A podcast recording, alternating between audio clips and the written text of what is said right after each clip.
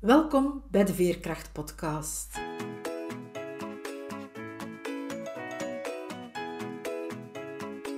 Ik ben Veerle Schaltien, levensverhalen en schrijfcoach. Met mijn bedrijf Wiebelwoorden trek ik voluit de kaart van veerkracht. Voor deze podcastreeks interview ik veerkrachtige vrouwen. Het zijn vrouwen zoals jij en ik, die soms wel eens het hoofd laten hangen maar die er vooral telkens opnieuw in slagen weer overeind te krabbelen. Die telkens opnieuw de moed hebben om door te gaan. Die ondanks alles ten volle in het leven staan en elke dag waardevol weten te maken. Hoe ze dat doen, vertellen ze je heel openhartig. Luister, snoep van hun woorden en laat je inspireren door hun verhalen. Want als zij het kunnen, kan jij het ook. Dag Tanja, welkom. Een aantal jaar geleden volgde ik een workshop en dat was in Huis Chakana.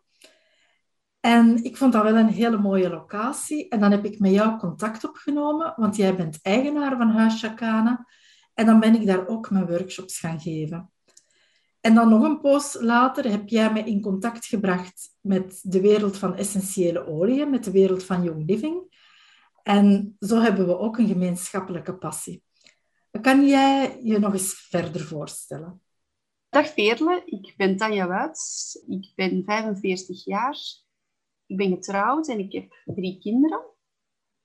Ik heb ook een heel aantal huisdieren. Eh, ik hoop dat die stilletjes gaan blijven tijdens ons gesprek, want ze horen er graag bij. Ik ben zaakvoerder van Huis zoals je al zei. Daar geef ik vooral shiatsu-massages. Ik geef ook massages met essentiële oliën. Ik geef advies rond aromazorg. En ik ben ook een holistische, holistische coach. Dus dat zijn eigenlijk allemaal dingen die te maken hebben met zelfzorg voor de mensen, met zelfontwikkeling. Ik vind dat eigenlijk super belangrijk dat, dat we daar ook in onze drukke agenda's uh, eens tijd voor maken om eventjes aan onszelf uh, te werken. En buiten het werken heb ik natuurlijk ook een aantal hobby's.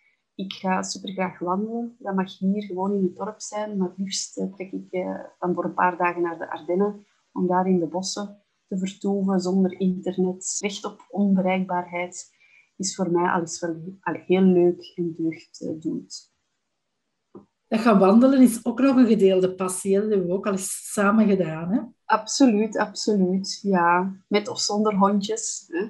Want met de honden is dat toch altijd een hele andere beleving dan dat je alleen in de stilte... Ik ga ook heel graag alleen wandelen als je zo'n wandeling in de bossen en je bent helemaal alleen, dat kan echt ook um, mediterend eigenlijk. Ja, ik ervaar dat ook zo. Want met hondjes ga ik nu niet zo vaak wandelen, omdat ik geen honden heb. Maar soms met andere mensen, dan ben je op die mensen gefocust en op wat er gezegd wordt. Maar als je alleen bent, dan heb je echt die verbinding met de natuur. Hè?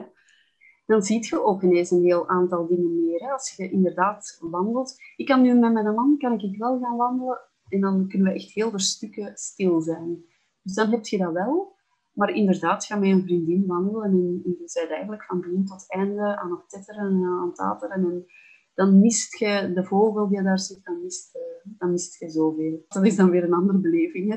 Dat is ook deugdend. Je kan je dan opladen aan het gesprek, wellicht. Maar dat is anders dan als je je oplaadt aan de natuur. Ik ervaar, als ik zo in, alleen in de natuur ben, dat dat mij ook wel veerkracht geeft. Omdat je ziet hoe dat die natuur zijn ups en downs heeft eigenlijk. Als je zo het, het ritme van de natuur bekijkt. Er zijn momenten waarop de natuur helemaal tot inkeer komt. Momenten waarop dat die alles loslaat. En ik kan me daar als mens heel erg aan spiegelen. Er zijn ook momenten dat die natuur oogst. dat die vruchten draagt, op zijn minst is dan de mens die oogst heel vaak, als er zo wind is, dan zeggen heel vaak mensen, ah, dan gaan we niet wandelen, want het is te slecht weer. Dan heb ik altijd zo het gevoel, alle suizingen worden een keer uit mijn kop gewaaid. Dus ook dat houdt mij niet tegen om ook naar buiten te gaan. Dus ik, ja, ik eh, kan me helemaal aansluiten in het verhaal over uh, wandelen in de natuur. Absoluut. Een post terug werkte jij ook nog voor de gemeente. En nu ben je voltijds eigenaar van, van Huis Chakana met al die activiteiten die je daar dan doet. Maar een, een tijd terug was dat in bijberoep en toen denk ik dat het ook wel iets moeilijker ging in je leven. Kan je daar iets over vertellen? Ik ben nu twee maanden geleden eigenlijk in loopbaanonderbreking gegaan. Ik eh, was ambtenaar met een vastbenoemde ja, plaats eigenlijk. Dus de moment dat er inderdaad moet gekozen worden van gaat je van je bijberoep een hoofdberoep maken, dan komen er toch heel veel twijfels, omdat je juist die vastbenoemde plaats hebt als ambtenaar. Dat is een hele mooie plaats en er zijn heel veel mensen die daar eh, met jaloezie naar kijken. Maar als je passie ergens anders ligt, dan vroeg of laat moet je voor jezelf die, die beslissing nemen. Ik heb een aantal jaar geleden heb ik ook ja, eigenlijk een wake-up call gekregen. Ik was al bezig in bijberoep, maar ik was ook nog fulltime aan het werken. En toen is het even misgegaan en heb ik een burn-out gehad. En daar zijn ook wel heel veel inzichten gekomen. Waarom zou ik nog fulltime werken? Waar ligt mijn passie? Waar ga ik naartoe? Maar ondertussen zijn we toch een aantal jaren verder, vooraleer dat ik definitief eh, die knoop heb kunnen doorhakken. Dus dat is wel een heel proces geweest, want je hebt een burn-out. Je hebt eerst een aanloop van die burn-out, dan zit je er middenin. Maar dan die nazorg is ook heel belangrijk. Dus ik heb de beslissing genomen om inderdaad een heroriëntatie te doen van mijn op werkvlak dan. Op het moment dat ik eigenlijk helemaal genezen was. Want dan heb ik eigenlijk ja, op een nuchtere manier die beslissing kunnen nemen. Op het moment dat ik uit een burn-out of zelfs in een burn-out zat, dan kon ik die beslissing niet, nemen, want dan was die helemaal emotioneel geladen. En dat leek mij dan ook niet correct. Terwijl dat heel mijn omgeving, ik ging ook naar een psycholoog en zo, en een loopbaancoach, die zeiden allemaal dat ik die beslissing moest nemen en dat ik mijn overdagshop ja, best zou opzeggen. Maar op de een of andere manier had ik ook zoiets van, ik heb daar nog een les te leren. Ik ben voor een reden uitgevallen en ik wist nog niet wat dat die reden was. Ik had mijn triggers nog niet gevonden. Ik wist wel dat ik was uitgevallen en hoe dat het dan allemaal was, maar hoe komt dat nu dat ik daar ben uitgevallen? En mijn collega naast mij, die had blijkbaar niet dezelfde job, maar die kon dat dan wel aan op de een of andere manier. Dus dat is toch een heel proces geweest en ik ben heel blij eigenlijk dat ik nog uh, teruggewerkt heb na mijn burn-out. Dat ik nu in alle rust heb kunnen beslissen wat ga ik doen, zonder dat dat dan zwaar beladen hoeft te zijn of dat dat een, een zeer grote beslissing is. Nu was het een evidente beslissing en dat, uh, dat voelt veel beter. En, uh, ik ben heel dankbaar dat ik, uh, dat ik de beslissing heb genomen, want dat is nu nog maar een aantal maanden, maar er is een ongelooflijke rust gekomen in mijn lichaam. toen je in die burn-out zat, of kort daarna, waren het blijkbaar dan ook de andere mensen die zeiden van je moet je job opgeven.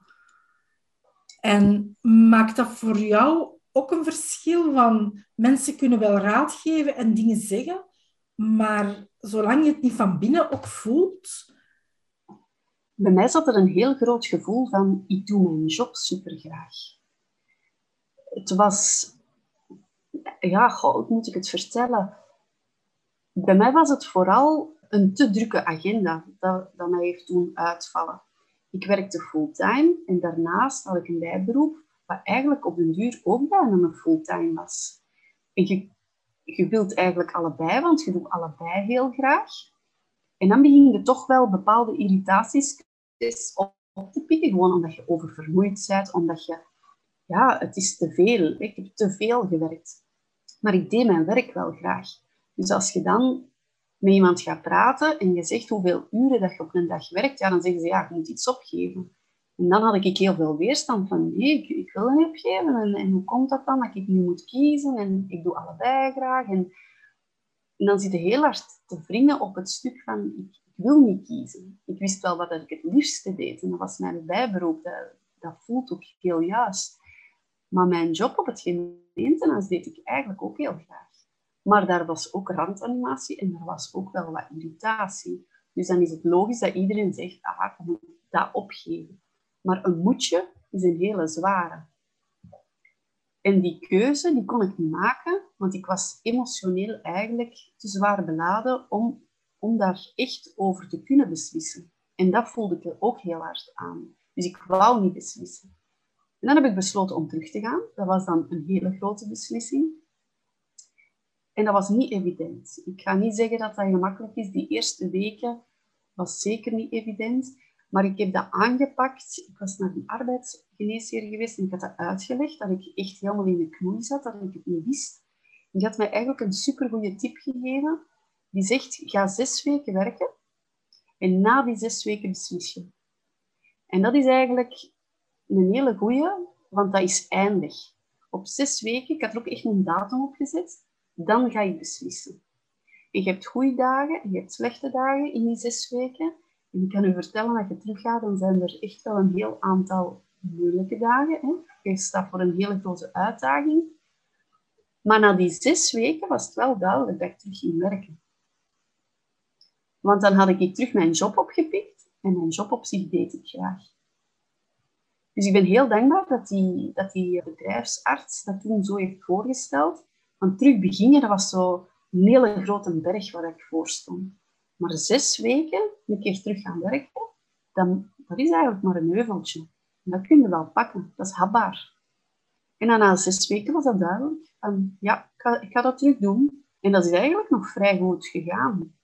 Maar nu, ja, de laatste maanden merkte ik wel van, ik, eh, ik heb terug wel een paar valkuiltjes tegengekomen. En ik heb, ik heb wel beloofd aan mijn gezin, als ik terug voel dat het te veel wordt, dan ga ik wel een besluit nemen. En dat heb ik nu ook gedaan. Maar dat doet je dan met een nuchterheid, met, je gaat dat overwegen. Waar liggen mijn uh, prioriteiten? Wilt je inderdaad zoveel uren per dag werken? Mag er nu wat meer ja, eh, hobby zijn of, of tijd voor jezelf? Of al is het maar gewoon voor in de zetel te zitten. Ook dat, hè? dat viel er altijd weer terug een beetje... Ja, dat, dat ging weer even niet. En dan heb ik gezegd, nu ga ik nu ga ik beslissen. Ik heb er nog geen spijt van Als je zo... Je was dan terug gaan werken en je merkte dat er weer valkuilen waren, dat het weer moeilijker begon te gaan. Als je dat al eens meegemaakt hebt, ben je dan automatisch alerter voor die valkuilen, zodat je er rapper kan op reageren? Ik denk het wel. Omdat ik vooral... Mijn genezing is vooral vanuit mijn voelen gekomen toen ik in burn-out zat, dan heb ik alles geprobeerd. Want ja, er is een supergroot aanbod voor u te helpen. Ik ben uh, naar een psycholoog gegaan, een psychiater, een coach. Allee, ik, heb eigenlijk van alles geprobeerd. Maar was ik weer in dat denken natuurlijk heel hard bezig. Het is een moment dat ik uh, mijn genezing ben gaan aanpakken op het gevoel. Lichaamswerk, lichaamsmassages. Niet praten, gewoon voelen. Wat voelt er voor mij juist? Echt heel, heel hard naar die kern gaan. En daar ben ik op genezen. Nu, als ik terug ging werken, ben ik eigenlijk niet in mijn denken gegaan, maar heb ik eigenlijk heel vaak s'avonds de reflectie gemaakt van hoe voelde mijn dag vandaag? Was die te vol? Waar had ik nood aan? Waar ben ik tegenaan gelopen, maar dan wel vanuit het gevoel en niet vanuit het denken. En dat heeft mij wel ja, echt heel veel inzichten gegeven van oké, okay, je bent eigenlijk niet op deze moment ideaal bezig. En het is misschien toch aangewezen dat je part-time gaat werken of zelfs je zaak helemaal een kans te geven. En dan ben ik daarover begin, wel beginnen nadenken, maar wel vanuit het gevoel. Van hoe is, hoe is mijn dag verlopen? Heb ik mij uh, blij gevoeld? Heb ik mij gedragen gevoeld? Of was het een dag waar dat heel veel irritaties zijn binnengekomen? En heb ik me eigenlijk niet zo goed gevoeld op mijn werkplek. Dus ik ben daar echt wel bewust mee bezig geweest. Want als je het een beetje loslaat, dan denk ik dat je gemakkelijk terug in de valkuilen gaat stappen die dat je eigenlijk ja, destijds ook niet gezien hebt. Dus dat is wel, wel iets waar dat ik bewust mee ben bezig geweest. Zo, of, of het eind van de week zo van, oké, hoe was mijn week nu? Hoe is dat verlopen? Wat, wat waren de drukste dagen en, hoe voelde ik mij daarbij? En dan heb ik uh, kunnen beslissen dat het, dat het genoeg was, dat er meer tijd mocht vrijkomen. Kan ik dat dan zo'n beetje zien als een, een, een vast ritueel dat je had, waarbij je ging kijken van hoe heb ik mij gevoeld? Ja, en ik denk, ik denk dat het ook wel nuttig is om dat inderdaad op een bepaald moment te gaan doen. Hè. Dikwijls was dat bij mij vrijdag omdat vrijdagavond werk ik niet. En dan ging ik even wel aftoetsen voor mezelf. Hoe is mijn week geweest en hoe heb ik het ervaren? Want ik merkte ook dat ik... Dat was eigenlijk mijn valkuil de eerste keer. En daar had ik nu ook weer voor. Ik ging altijd minder slapen. Dus ik slaap wel zeer goed, maar ik lag heel weinig uren in mijn bed. En dat wordt een gevaar op termijn. Je kunt een, een week zeggen van ik ga, ik ga eens wat minder slapen, want ik heb het super druk. Maar als je systematisch te weinig slaap hebt, dan gaat je ooit die rekening betalen. En dat, dat voelde ik heel hard aan van oké, ik ben hier weer in datzelfde zelfde stramien bezig en dat gaan we niet meer doen. Ik heb dat ook beloofd aan mijn, aan mijn gezin, die dat er absoluut niet achter stonden dat ik terug ging werken. Heb ik beloofd van ik ga dat incalculeren dat ik ooit ga stoppen. Ik ga niet stoppen vandaag. Ik kan mij indenken van als je dat niet zo op een vast moment inlast, dat er dat dan overschiet en dat je dan in je oude patronen hervalt. Zoals je ook al zei, van, ik merkte dat dat zo stilletjes aan, aan het gebeuren was. Ik had dat, je dan aan je gezin beloofd van ja, ervoor te zorgen dat het niet meer zo ver ging gaan. Ik weet dat je ook met essentiële olie bezig bent. Hebben die je daar ook in ondersteund? Oh, absoluut. Absoluut. Moest ik die niet gehad hebben. Ik kan dat zelfs niet beschrijven. Ik heb ook regelmatig een bioresonantiescan laten doen. En dat geeft eigenlijk aan hoeveel onbalansen dat er in je lichaam zitten. Toen ik startte aan het begin van mijn burn-out, was het dus ja, een zeer groot uitgebreid rapport waar ik er absoluut niet fier op was. Maar naar gelang dat ik dus aan het werken was met die olie en ook de voedselsupplementen, dan zag ik echt zo heel veel verbetering. En dat gaf ook moed. Maar ja, het is natuurlijk niet enkel wel papier sta. Ik voelde mij ook gewoon beter. Dus uh, dat is iets dat voor mij nu echt is ingeburgerd in mijn, in mijn huis. Ja, olie gaan, kan hier nooit meer buiten. Dat is, dat is voor mij een absoluut feit. En ik zie ook dat in het begin waren de kinderen vrij kritisch, uh, maar nu gebruikt eigenlijk iedereen olie. Zelfs op ons huisdieren gebruiken wij ook olie. Uh, om eigenlijk de algemene gezondheid en het welbevinden te, te verhogen. Dus ja, ik ben er heel blij mee met mijn olietjes. Je vernoemde een bioresonantiescan. Kan je dat eens uitleggen hoe dat in zijn werk gaat? Een scan, je moet er eigenlijk niet te veel bij voorstellen. Dat is precies een hele grote muis, waar dat je, even een computermuis, waar dat je je hand oplegt. Je gaat eigenlijk de onbalansen meten, zoals een Fitbit dat ook zou doen. Die, die gaan bepaalde frequenties registreren. Dat gaat dan naar een softwareprogramma en dat gaat dan tonen hoe dat het gesteld is met uw, zowel uw emotionele welzijn, maar ook uw fysieke lichaam. Zit er ergens in uw waterhuishouding een probleem, in uw darmstelsel, zijn uw spieren, hoe daarmee gesteld? Dus eigenlijk krijg je een heel uitgebreid verslag van hoe dat het met je fysieke lichaam en je emotionele lichaam besteld is. En als je dan ziet aan het begin van zo'n burn-out, dan heb je zoveel maar dan ook die scan zegt, en dat zijn de olie of dat zijn de voedselsupplementen waar je het meeste baat gaat bij. Het is niet dat je dan ineens aan alles moet gaan werken, want dat, dat is gewoon niet mogelijk.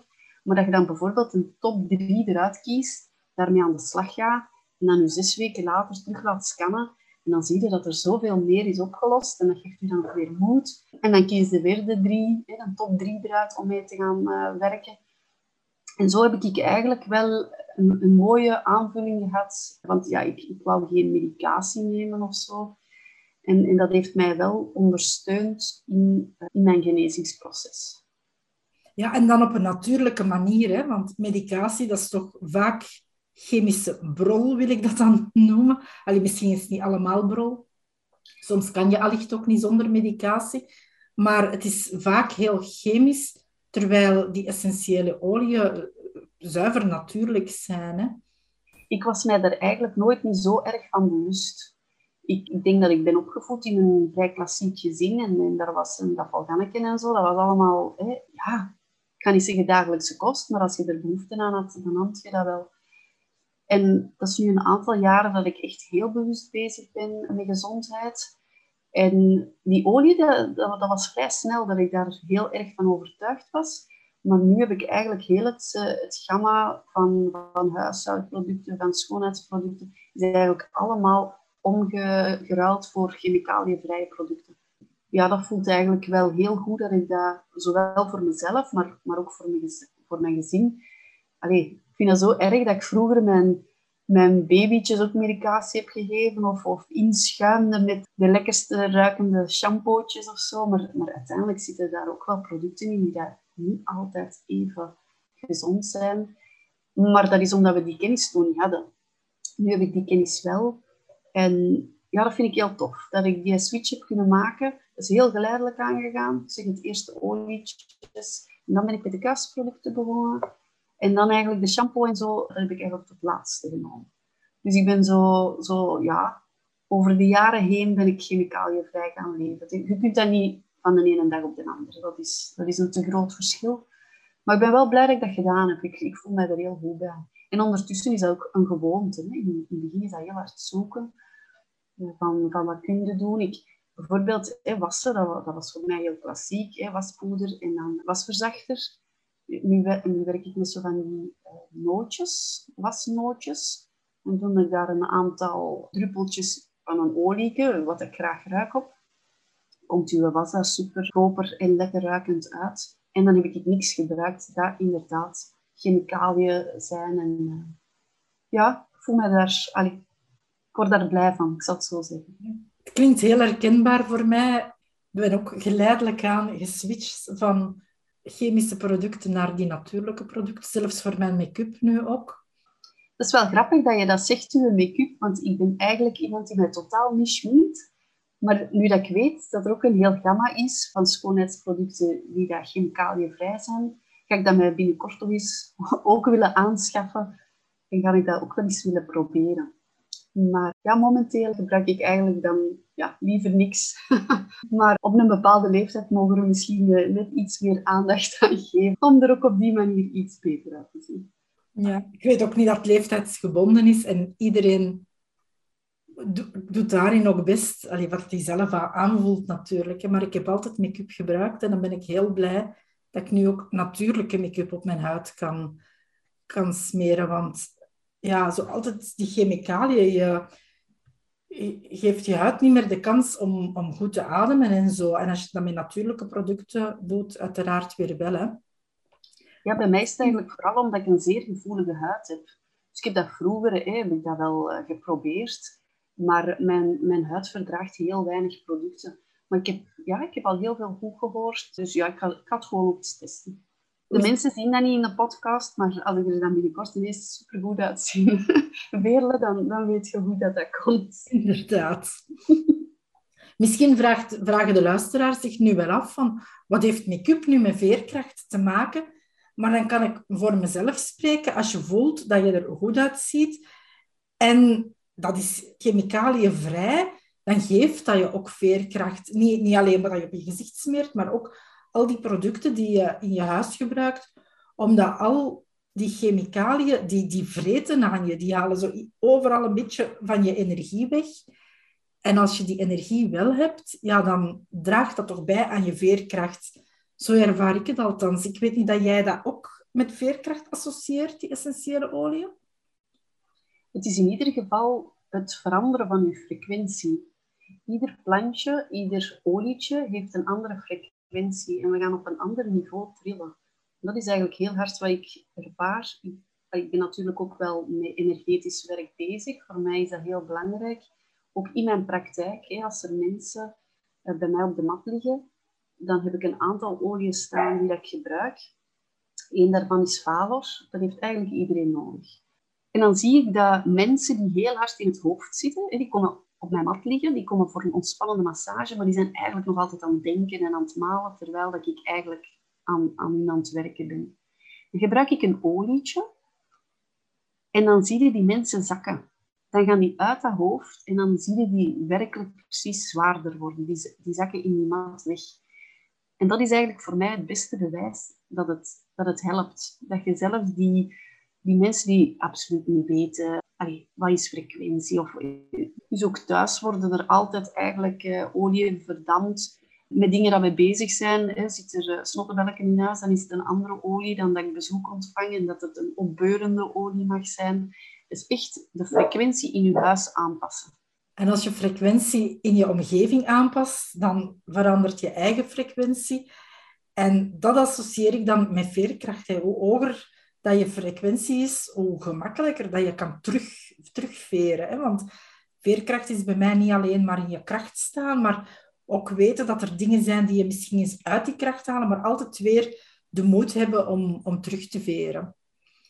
Of als het even niet gaat, dat je inderdaad niet terug kunt, terug in je kracht gaan staan, dat je die veerkracht wel een beetje kunt, hoe moet ik het zeggen, dat je die een beetje kunt helpen. Dat je inderdaad een hulpmiddeltje hebt, dat je er niet alleen voor staat. Want heel vaak denk ik dat er mensen zich eenzaam of alleen voelen. En ja, het is niet altijd evident om dan in terug veerkrachtig te zijn, om terug in die kracht te gaan staan. Dus we, we mogen hulpmiddeltjes gebruiken, ze zijn er. En, en, gaat dat over een olie, of gaat dat over een goede wandeling, of, of gaat dat over sporten? Er zijn ook heel vaak mensen die dat, ja, terug veerkrachtig worden door te gaan sporten. Ik heb dat veel minder. Maar, maar het is maar eigenlijk wat voor iedereen apart werkt. Hè. En vaak is het ook een combinatie van dingen. Hè?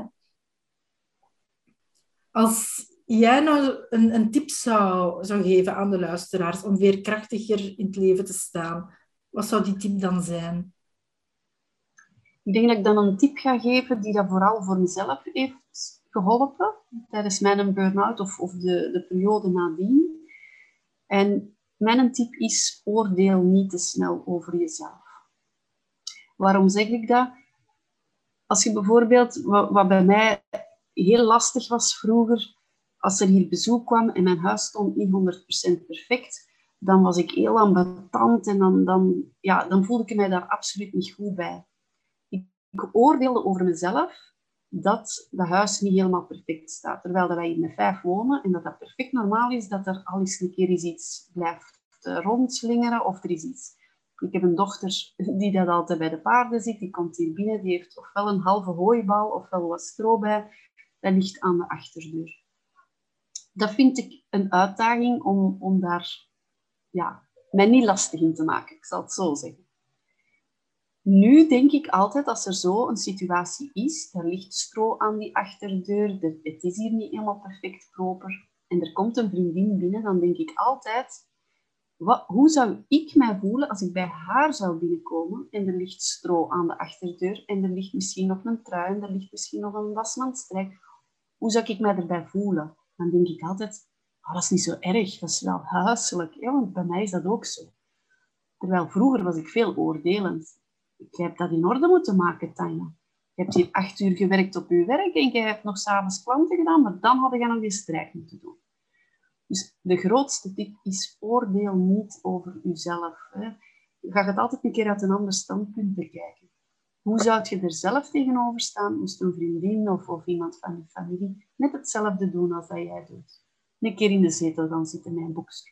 Dan zouden zeggen, goed voor u, want je hebt keihard gewerkt. Maar voor jezelf ga je niet in je zetel zitten en ga je geen boekje lezen. Dus altijd even gaan verplaatsen van, hoe zou ik juist niet oordelen over iemand anders en dat dat toch wel, ik denk voor heel vaak mensen, iets is dat we ja, toch wel doen. En dat is spijtig. We mogen dat afleren.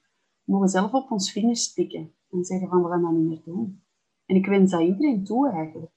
Het is een uitdaging, hè? pas op, ik ben er ook nog niet. Ik kan mij ook nog ergeren als ik voor de vijfde dag op rij ga stofzuigen en dan denk ik, en nou ga laten liggen. Kom aan, stroof niet, blijf liggen. En ja, laat het even gaan. Het hoeft allemaal niet zo perfect te zijn als dat we dat we denken dat we moeten zijn. We leggen de lat voor onszelf dikwijls zo hoog. En allee, we zijn er heel snel met ons oordelen over onszelf. Hè. Soms gaan we ook over anderen oordelen, maar ik, ik heb zo de idee dat heel veel mensen nog sneller voor zichzelf oordelen en meer van zichzelf vergen dan van een ander. Allee, wat jij ook vertelde eigenlijk. Hè. Ja, het is eigenlijk het, het veerkrachtig worden dat ervoor zorgt dat je ten eerste gelukkiger gaat worden en dat je ook niet in depressie of in burn-out gaat terechtkomen. Dus die veerkracht hangt bij mij ook heel... Allee, vind ik, hangt wel samen met oordelen. En dan echt over jezelf. Hè. Het gaat niet over anderen dan. Want wij zijn allemaal super streng voor onszelf. Hè? Dus dat mogen we allemaal een beetje minder doen in de toekomst. Misschien een mooi voornemen voor het nieuwe jaar. Hè? Want we zijn toch nog niet zo ver in het nieuwe jaar. Heel de maand januari mogen we nog voornemens maken. En dan hebben we twaalf maanden om ons daaraan te houden. En het zou inderdaad heel mooi zijn als iedereen wat minder oordeelt over zichzelf en daardoor veerkrachtiger in het leven staat, met een hogere vibratie in het leven staat. Dat, doet niet, dat is niet alleen voor jezelf goed, maar dat verhoogt ook de vibratie in heel de wereld. En daardoor krijgen we een veerkrachtigere en liefdevollere wereld. hoe mooi zou dat zijn? Dat is heel mooi gezegd, Veerle. Ik wens het iedereen toe, absoluut. Ja, ik ook, ik ook. Dan wil ik jou heel erg bedanken voor dit interview, Tanja. Heel graag gedaan, absoluut.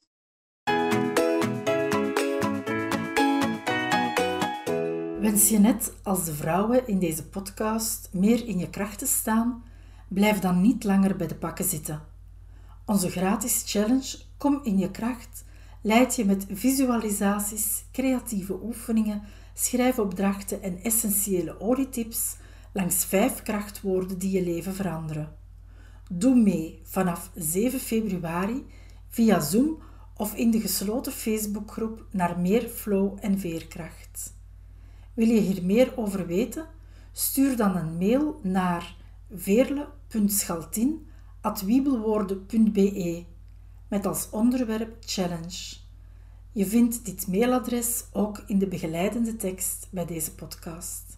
Ik heet je graag welkom in onze gratis challenge. Je luisterde naar de Veerkracht podcast. Hartelijk dank hiervoor. Hopelijk heb je even erg van dit veerkrachtige verhaal genoten als ik. Laat je er zeker door inspireren. Ben je benieuwd naar het volgende interview? Of wil je niks van deze podcastreeks missen? Surf dan naar www.wiebelwoorden.be of abonneer je nu meteen gratis op deze podcast via Spotify of een andere podcast-app. De montage van deze podcast was in handen van Johannes Veremans.